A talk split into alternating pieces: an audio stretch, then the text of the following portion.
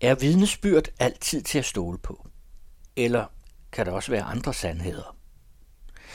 For mange er Bibelens ord om Jesu færden på jorden endegyldige sandheder, mens andre læner sig op af de historiske beviser og de skriftlige kilder, der er efterladt fra Romeriet og datidens myndigheder.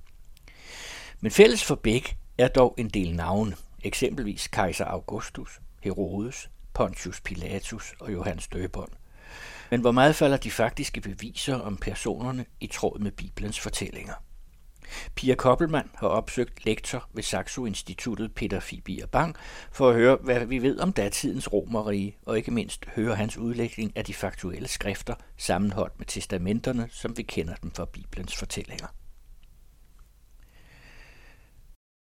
Er det noget med, at du ved noget om de der områder, hvor Jesus efter sine har færdet rundt? Jo, lidt ved jeg der om det. Jeg ved jo både noget om selvfølgelig øh, området, fordi det er under romeriet, og man har masser af både arkeologiske fund og indskriftsfund. Altså man ved en masse om selve områdets historiske udvikling.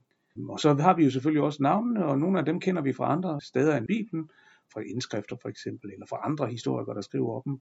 Så dem kan vi også sige en hel del om. Nogle af dem kan vi ikke rigtig sige så meget om. Nogle af de historiske narrativer, der er i Bibelen, er, lad os sige det på den måde, ikke helt historisk muligt, fordi de for eksempel kollapser øh, personer, der eksisterede i forskellige tidsperioder, og begivenheder på forskellige tidspunkter sammen til det samme tidspunkt. Så det er ikke alt, der er muligt her. Men naturligvis er der nogle af de personer, vi kender fra Nye Testamentet, vi også har belæg for uden for bibelteksterne. Jo nok det allermest kendte, det er jo det der, der blev udråbt et dekret om, at der skulle være en folketælling. Og det vil sige en folketælling, som må der vel ligge noget papir? Altså har den forekommet, eller hvad? Altså nu, dengang brugte man jo ikke papir. Man brugte papyrus til den slags ting. Ja, og også potteskår faktisk en gang imellem, og skrev på. Men vi ved, at der var en folketælling i Judæa, da Judæa blev gjort til Romers provins. Og det sker, altså Herodes den Store, som vi også kender fra Bibelen, han dør. Og så er hans, øh, hans arvinger, de er altså ikke så gode som ham til at holde styr på provinsen, og der bliver ballade. Og det ender med, at øh, Augustus så beslutter, at arvingerne de har simpelthen ikke øh, styr nok på det her, så han omdanner kongedømmet og inkluderer den i den romerske provins. Og det sker netop under ham her Quirinius. Og, øhm, nu begynder du at løbe lige lovligt hurtigt, at øh, Augustus, det var kejseren. Ja. Og Quirinius, det er som vi læser i Bibelen, jo så, når vi læser her, holder juleaften og læser hos Lukas der, ikke? når da han var landshøvding eller, eller guvernør for den her provins, så skulle alverden skrives i mandtal. Men den alverden var altså primært Judæa. Vi ved 100% at Augustus aldrig lavede en øh, befaling om, at hele Romeriet på samme tid og samlet skulle skrives i mandtal. Men vi ved, at der foregik masser af folketinger i, rundt i provinserne under Augustus, også flere, end der havde gjort inden der, fordi han er ved at konsolidere den romerske magt. Så der er flere forsøg på at opmåle jorden og også tælle befolkningen rundt omkring i adskillige af provinserne, og nogle steder lidt mere end andre, lidt mere systematisk end andre. Men det er en stor bevægelse, der, der ikke kun øh, angår Judæa, men på den anden side heller ikke indbefatter hele Romeriet. Så det, det var så lidt knap så, så omfattende og systematisk, som man ligesom giver indtryk af. Men til gengæld kan man jo sige, at når, når Lukas skriver det her i hans tekst om det, så er det jo netop et udtryk for, at hvordan tænker man om kejseren? Og man tænker om kejseren som, at det er blandt andet ham, der sørger for, at fordi man skal betale skat til ham, at så skal befolkningen registreres en gang imellem. Og romerkejseren er altså i stand til at få gennemført de her ting, og da befolkningen i Judæa, da kravet om Folketinget kommer med inkludering i provinsen, de er bestemt ikke glade for det til at starte på, men det bliver de nødt til at acceptere.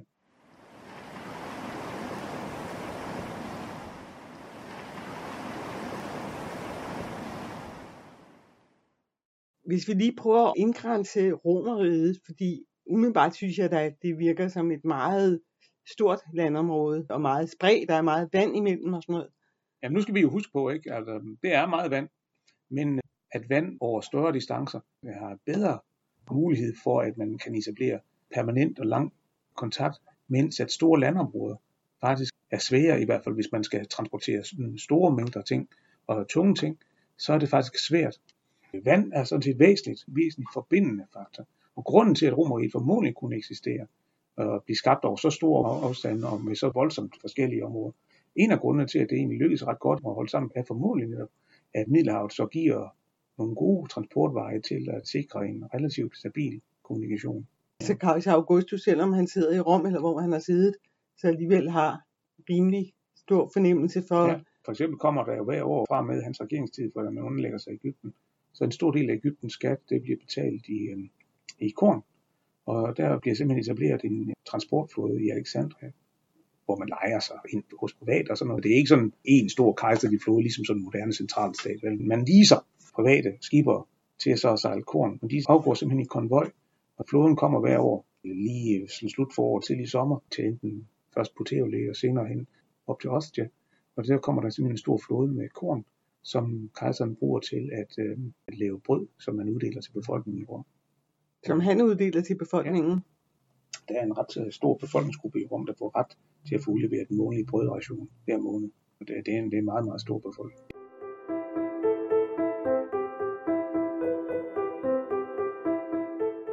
Byen Rom bliver den første millionby i verdenshistorien. Og øh, kejseren residerer der, og så har man en stor, stor befolkning, som faktisk er vanskelig at brødføde. Og hvis folk er ved at dø af sult, så plejer de at blive sure. Så en god måde at sikre sit eget overlevelse som kejser på, det er at sørge for, at der er ro. Så derfor, og der er kejser Augustus og Europa og Ægypten, det største kornkammer i Middelhavsverdenen. Ja, noget skal man jo bruge det på. Så en ret fornuftig ting at bruge det på ud fra et uh, romersk perspektiv er jo selvfølgelig at give det til befolkningen i Rom, som i øvrigt også netop var anset og anså sig selv for at være den herskende befolkning i riget, og dermed jo altså også havde krav på at få del i goderne fra imperiet. Men hvis vi lige bringer tilbage lidt til den bibelske, der var den der fortælling med, at øh, drengebørn på under to år bliver slået ihjel. Er, er der noget historisk belæg for det? Ja, jo i hvert fald ikke i hvert fald lykke ud over i Bibelen. Og det er jo nok en eventyrfortælling, at Herodes han hører, at øh, de vise mænd de kommer, og så spørger de, om der er født en ny konge, og så bliver Herodes nervøs for, hvad det kunne være, så så beordrer han alle de her drengebørn slået ihjel. Det ved vi, at det ikke er sket. Der er ikke nogen andre, der fortæller om det. Og hvis alle drengebørn var blevet slået ihjel, det var jo ret voldsomt. Må ikke der var nogen, der, der vi har trods alt en del vidnesbyrd om det der, så må ikke man havde hørt om det. Det vil jo også have haft visse konsekvenser for befolkningen. Men faktisk kan vi jo også sige, at Bibels fortællingens historie om Jesus fødsel, hvordan kan den være kommet til? Altså, der hvor historien om Jesus jo i virkeligheden begynder, hvis der er en historie om Jesus, der i virkeligheden begynder. Lad os nu forudskikke, at der findes sådan en historie så er det jo dybest set først en historie, der begynder med Jesus som voksen. Og øh, det kulminerer der med, at han får nogle discipler, og de render rundt inden for det område, hvor Israel i dag ligger i Jordan. Det gør han som voksen. Og så drager han ned under porten til Jerusalem og leger lidt, at han er en messias, og det, det viser at være en dum idé, for det døde han af. Så er der ikke nogen, der skriver noget om det, men der er nogen, der i hvert fald fortæller en fortælling om Jesus. Og så begynder man en generation eller halvanden efter at skrive ned, så de første skriftlige beretninger, vi har om, hvad der skete på Jesus tid, de er i virkeligheden skrevet cirka halvanden generation efter. Ja, eller, eller mere, ja, og nogle af dem længere tid ikke efter, og, og, og, sådan, øh, og vi ved jo ikke, har jo ikke sådan, så det er sådan cirka en generation til halvanden efter. Men Jesus får først betydning som voksen. Men problemet er jo så bare, at når man så skal fortælle, om man, man beslutter sig for, at Jesus er Guds søn, man kan jo ikke have, at Guds søn ikke er blevet født. Så man bliver jo nødt til at fortælle en historie om ham. Altså, der er et vakuum, der skal fyldes ud, fordi han skal gøres til hellig. Altså, vi skal have en jomfru-undfangelse, ikke? Fordi der starter helligheden. Ja, enten har Maria begået ægteskabsbrud, eller i hvert fald øh, været forlovet utro, og så hun sluppet af med en fantastisk god fortælling til ham. Men han havde nok ikke købt den på det tidspunkt. Nej, men det var Gud, der kom forbi. Det er jo noget af en tall order, som man siger på engelsk, at det skulle være Guds søn enten i overført betydning. Ikke? Så først skal han så fødes. Derefter, så skal vi jo så også til, at der skal ligesom være et tegn på, at der er kommet et særligt underfuldt menneske til jorden. For eksempel det der med, at lige pludselig kommer der hellige tre konger for at besøge det her barn i Nowhere Strup, der bliver, født, bliver ligger en kryber og sådan noget. Og øh, vi ved jo netop fra kærskersymbolikken på det her tidspunkt, at øh, symbolet på en stor hersker er, at der kommer fremmede gesandskaber langvejs fra, med store, rige, kostbare, eksotiske gaver. Altså det ved man faktuelt. Ja, den altså... kejser blærer sig med alle de fantastiske fremmedartede gaver, der kommer fra mærkelige egne af verden, for at vise deres underkastelse for ham. Og det samme gør den partiske kejser, og det, det findes over det hele. Den kinesiske kejser også helt vildt med det der. Det er et meget, meget veletableret fænomen. Så, så har vi de der vise mænd, der er kommet i spil. Ikke? Så har vi så det her med Herodes, som jo altså er, han er en lydkonge under Augustus, men han regerer over Judæa og nogle andre områder. Men han har sit kongeværdighed gennem Augustus. I det øjeblik, Augustus vælger ikke at anerkende Herodes, ja, så er han ikke konge længere. Så bliver det lavet til provins i stedet for, at der kommer en romersk guvernør. Og den her romerske guvernør, han hedder jo så, ham ved vi, han hedder Quirinius, og han indfører en, en folketælling. Så nu har vi altså en bibelhistorie, der har, at på den ene side er Herodes ved at aflive alle drengebørnene, da Jesus bliver født, fordi at han er bange for, at der kommer en rival til, til ham, så han er nødt til at få ham slået ihjel, inden han kommer i gang. Og på den anden side har vi en fortælling, der handler om, at Quirinius går i gang med at tælle hele befolkningen. Og har vi årstal på det? Ja, det har vi. Så vidt jeg husker, foregår den folketælling i 5-6 efter Kristi. Det er altså ikke på år 0. Der findes ikke noget år 0, fordi da romerne konstruerer den tidsregning, vi bruger, har man ikke noget 0. Så man har et år 1 før Kristi, og så har man år 1. Der findes ikke noget år 0. Det er jo så efter, at Herodes er død, og at hans arvinger bliver frataget tronen. Så vi kan jo i hvert fald ikke have, at Quirinius går i gang med en folketælling, og at Herodes render rundt og jagter drengebørn. Hvad siger det også så? Ja, det siger jo dybest set ikke andet, end at der er en evangelist, der senere hen har været nødt til at binde Jesus fortælling sammen med den jødiske fortid. Og så har han lavet nogle nedslag i den historie, og det, for ham er det bare lang tid siden. Ikke? Det, det er på det tidspunkt så reelt to generationer mindst, måske tre eller fire generationer siden. Hvordan er det, man plejer at sige? Tidligst omkring år 60, og så indtil måske 120-30 stykker, at vi har de der fire evangelier, bliver skrevet lidt senere. Men det jeg er interesseret i, det er jo, hvad har vi faktuelt? Ja, så Quirinius ved vi, han eksisterer. Ja, ja. Og han laver folketællinger, der bliver også ballade rundt omkring det. Og den skriver evangelisterne så med ind i fortællingen om Jesus, men vi har ingenting viden om barnet Jesus. I men, hvert fald ikke historisk certificerbar viden. Og vi kan i hvert fald se, at den fortælling, der bliver fortalt i evangelierne, jo altså er historisk konstrueret, hvor man blander forskellige ting sammen i sådan en slags eventyr. Til gengæld levede Pontius Pilatus. Ja, han var også kejserens repræsentant i Judæa efter Kristi. I 30'erne efter Kristi, ja. så han kan godt have været ham, der har stået og sagt, yes, sæt ham op på korset. Ja, altså det kunne han jo i princippet godt. Der er jo mange, der vil mene, at der er for meget, det er simpelthen for usandsynligt, at Jesus ikke skulle have levet der, og der ikke har været sket noget. Og det er også meget tænkeligt. Det kunne sagtens lade sig gøre. Men der er så nogle andre ting i den fortælling. Fordi hvad er det, der sker? Ja, Jesus bliver korsfæstet. Og øh, de siger ovenikøbet, at han får den der øh, spotteindskrift ovenfor, det er jødernes konge. Så han bliver altså spottet som om, at han har udråbt sig selv til jødernes konge. Altså, hvis man lever under den romerske kejser, og man går rundt i en romersk provins og skulle få den forbløffende idé, at man skal være konge, så har den romerske kejsermagt kun et svar på det. Ja, altså, måske hvis man virkelig var tosset, så kunne det jo godt være, at man bare ville ham ligge. Men når man begynder, hvis vi tror på beretningen, han kommer op til Jerusalem, der er faktisk store folkeskare, der begynder at følge ham, og de, vi skal lige tænke på, at det er en religiøs højtid, og så kommer der en, der siger, at han er Messias. Det lugter langt væk af problemer. Der står der så i Bibelen, eller evangelisterne, de går så meget ud af at ligge en slags afstand mellem romermagt og det jødiske præsteskab. Fordi Pontius Pilatus, så siger jo, han vasker sine ting, fordi det han i virkeligheden gør, han spørger jøderne, hvem vil de have aflivet? Og så siger jøderne så, altså befolkningen i Judæa, de siger så, at de vil have Jesus aflivet. Og der er i hvert fald en klar funktion i narrativet rundt omkring det. Det er, at øh, den nye kristne sekt, der går ud af det her, har et behov for at øh, distancere sig fra øh, den oprørske del af jødedommen. De er jo nødt til at prøve på at finde en slags fredsomligt sammenliv med romermagten. Så hvis de kan sige, jamen altså i virkeligheden er romermagten egentlig ikke rigtig sur på Jesus, det var faktisk jøderne, der ville have ham aflivet. Men der ligger jo en modsætning i fortællingen, ikke? fordi han bliver korsfæstet som jødernes konge, og han bliver korsfæstet, som er simpelthen en romersk straf. Og hvis man bliver korsfæstet som jødernes domme, så vil den Pontius Pilatus overhovedet ikke have haft nogen som helst problem med at klynge ham op. Fordi det må man ikke. Det må man i den grad ikke. Altså stort set hvilken som helst anden ting, kan du, du kan finde på, vil være mere acceptabel. En, at rende rundt og tro, man skulle være konge over jøderne, fordi det er der altså en, der er. Han kaldes kejser. Og hvis ikke du stopper nu, så er det en tur op på korset. Ja. Men er der noget skriftligt belæg eller noget beviser i dag på, at man kan sige, her ligger den domsbog? Nej, det findes eller? ikke. Nej. Det findes, altså vi har det kun gennem evangeliernes beretning. Ikke? Og der må man så sidde som historiker og vurdere, i hvilket omfang er det konsistent med, hvad vi i øvrigt ved om Romeriges måde at fungere på. Og så ved vi for eksempel, at Pontius Pilatus faktisk regerede der i Judæa. Og så videre, og så videre.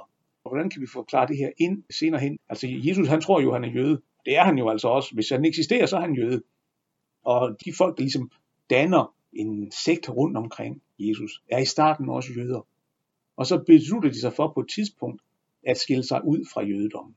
Der er forskellige årsager til det, men en af de sådan mere fundamentale årsager er formodentlig det her store jødiske oprør, der så forløber under kejser Nero fra slutningen af 60'erne, hvor jøderne rejser sig mod Nero. Men det er jo så efter Jesus. Ja, ja. men det betyder, at Jerusalem bliver brændt af og øh, ødelagt i et vist omfang, og templet, som Herodes har bygget, bliver jordet. Det er jo derfor, vi har grædemuren i dag. Det er resterne af Herodes' tempel. Og det sker altså ved den der katastrofe så for jødedommen i år 70. Men derefter er jødedommen jo problemet, de er jo sådan set alle sammen stemplet som oprør. Og de kristne har i sådan en periode, det står lidt på vippen, men ender så med at faktisk at skille sig ud som en sekt, der netop prøver på at distancere sig lidt fra sådan en meget eksklusiv jødedom. De kan godt have folk, der for eksempel ikke er omskårne, de kan også godt være med. Prøv på at understrege, at det er godt liv med de romerske autoriteter. Så det er generationerne efter, at den afgørende udvikling, selvstændiggørelse af kristendommen sker. Og det er jo så også der, hvor dybest set det meste af testamenterne og sådan noget bliver forfattet. Men de har en dagsorden, ikke? der handler også om at gøre sig selv spiselig spiselige for de romerske myndigheder. Så de har ikke lyst til nødvendigvis at gøre alt for meget ud af, at Jesus dør som oprører. Tværtimod gør de jo en del ud af, at det kunne sådan set, at romer, øh, guvernøren var ikke så meget imod ham, når det kom til stykket, og i virkeligheden var hans rige ikke af denne verden, og alt sådan noget. Ikke? Hvis man spiller sig selv det spørgsmål, hvem er den historiske Jesus? Det naive svar på det er jo så den person, der endte på korset. Men man kunne jo også sige, at den historiske Jesus var den figur, som kirken lavede. Det er jo den Jesus, der har haft historisk betydning. Så Det er et trospørgsmål. Og det kan man som historiker sådan set sagtens overlade til religionen, hvad man vil tro. Det er jo et trospørgsmål. Hvad vi så som historikere kan sige. Det er jo så lidt mere begrænset. Ikke? Og historikere, vi tror ikke på, at Jesus bliver født som Guds søn og sådan nogle sager. Det må være et sag mellem den enkelte person og Gud, og kirken og Gud, og hvad det nu måtte være. Ikke? Men nu, altså vi snakker om Pontius Pilatus for eksempel, ja. som jo har været der, ikke? Ja, ja. Men det der med folkedommen, er det kendt? Det er ikke unormalt, at de romerske myndigheder konsulterer lokale myndighedspersoner og øh, tager dem med på råd omkring ting. Fordi den romerske statsmagt, eller imperiemagt, den har ikke en stor, gigantisk, byråkratisk maskine, som den kan trække på. Så den måde, den fungerer på, det er, at man for eksempel sender en guvernør ud, som fungerer som sådan en slags leder af det lokale elitesamfund. Og han hører også retssager og dømmer i, i det omfang, de lokale ikke selv kan blive enige om det. Men da han jo netop ikke har et stort apparat, der kan sørge for at følge op på tingene, så har han en ret stor interesse i at sikre, at der er en vis form for lokal magtbase bag den måde at se på verden på, som han repræsenterer. Det betyder ikke, at han ikke godt, hvis der nu er en af de lokale dignitarer, der virkelig er noget skidt, at han ikke godt kunne finde på at dømme ham til døden, eller måske forvise ham fra sit eget hjemområde i en periode. Det sker bestemt. Så det er ikke sådan, at han bare er en lakaj, men, men på den anden side har han altså et stort embedsapparat, så han er nødt til at sikre noget opbakning. Hvem stod egentlig med magten til at kunne dømme folk til døden? Ja, altså guvernører kan det. Kejserne prøver på at sørge for, at det er dem, der dømmer til døden i sidste ende. Men vi ved simpelthen, at øh, det kommer lidt an på, hvor vigtig en person man er. Der er også nogle gange lidt tilfældigheder. Det sker altså også nogle gange lokalt. Så er der den der, om man så må sige, delikate fortælling med Herodes Antipas, som har sin øh, stedatter, eller hvem hun nu er, der danser for ham og lader sin slør falde, og han ja. bliver enormt begejstret for at se på det. Så nu må hun vælge lige præcis, hvad hun vil. Og så siger hun, jeg vil have jo hendes døberens hoved på et fad.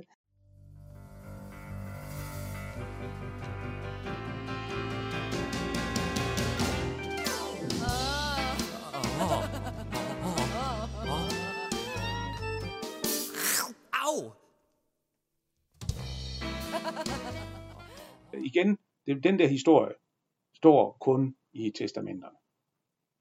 Mens at øh, hun er nævnt så hun hører til sådan netop den kongelige overklasse. Men hvor meget der så er omkring det der med dans og sølvfadet, det er altså mest noget, der står i Bibelen.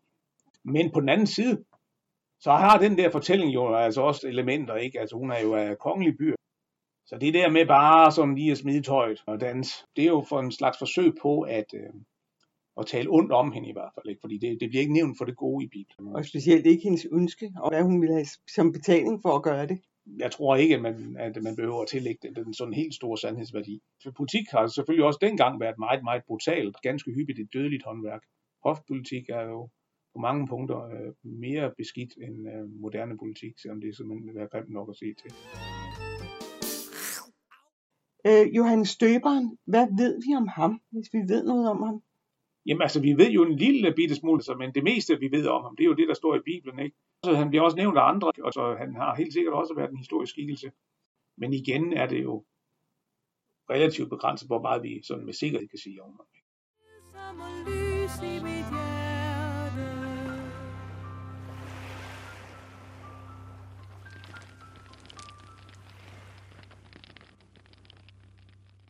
Det er jo de der testamenter, som jo er skrevet en del år efter Jesus overhovedet har været på jorden.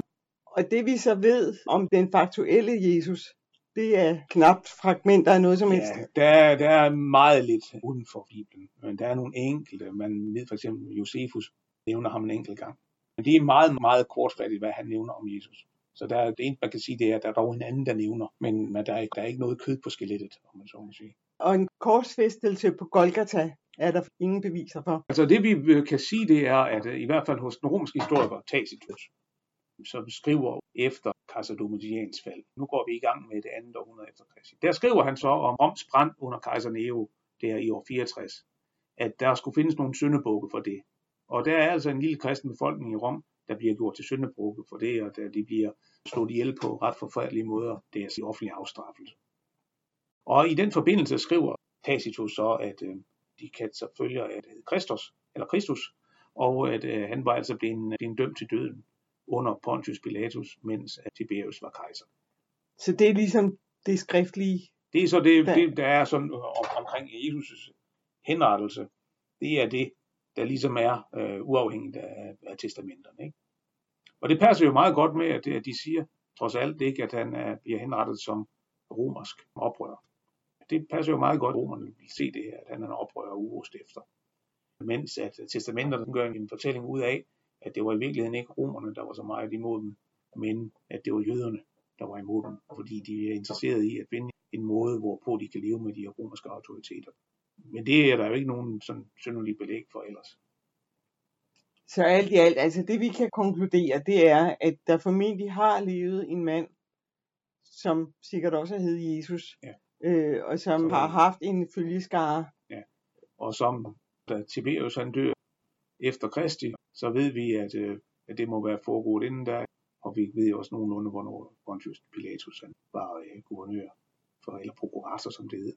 Så det er der i 30'erne under Tiberius, at øh, den her person, der hedder Jesus, nu siger Tacitus jo altså Kristus, men han hed jo sikkert Jesus, ifølge i hvert fald de kristne.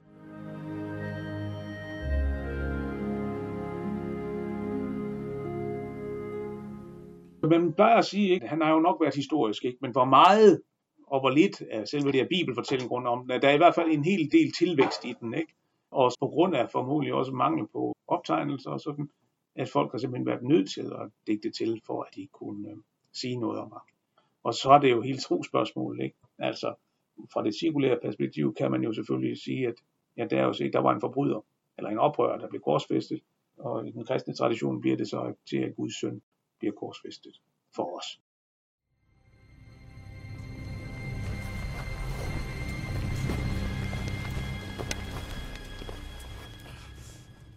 man korsfæster sjældent folk bare for ingenting.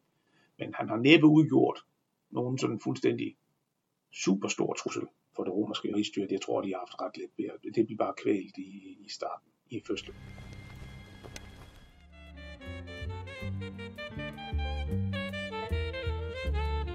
Vil du ikke spille kloden drejer stille rundt? Hvis jeg kan huske nu skal jeg altså lige her er tekst. finde teksten. Den har vi der. Ja, ja.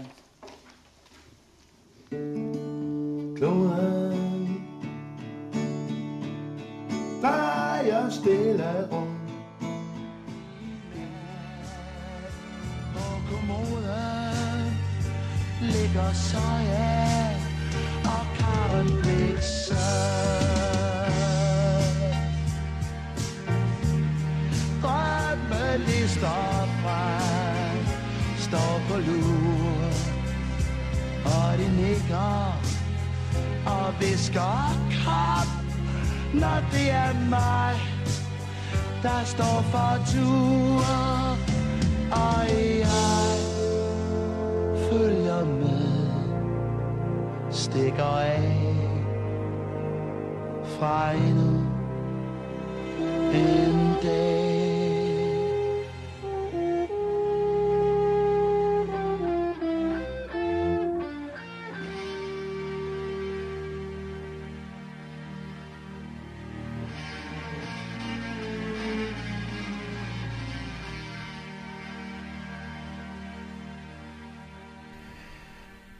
Muligvis tvivlsomt, om vi nogensinde får vidshed for, hvad der er sandhed og myter omkring den historiske Jesus. Men det er sikkert, at kloden drejer stille rundt, som Kim Larsen sang for Claus Riffbjerg og alle os andre, der lyttede med. Udsendelsen var tilrettelagt af Pia Koppelmann.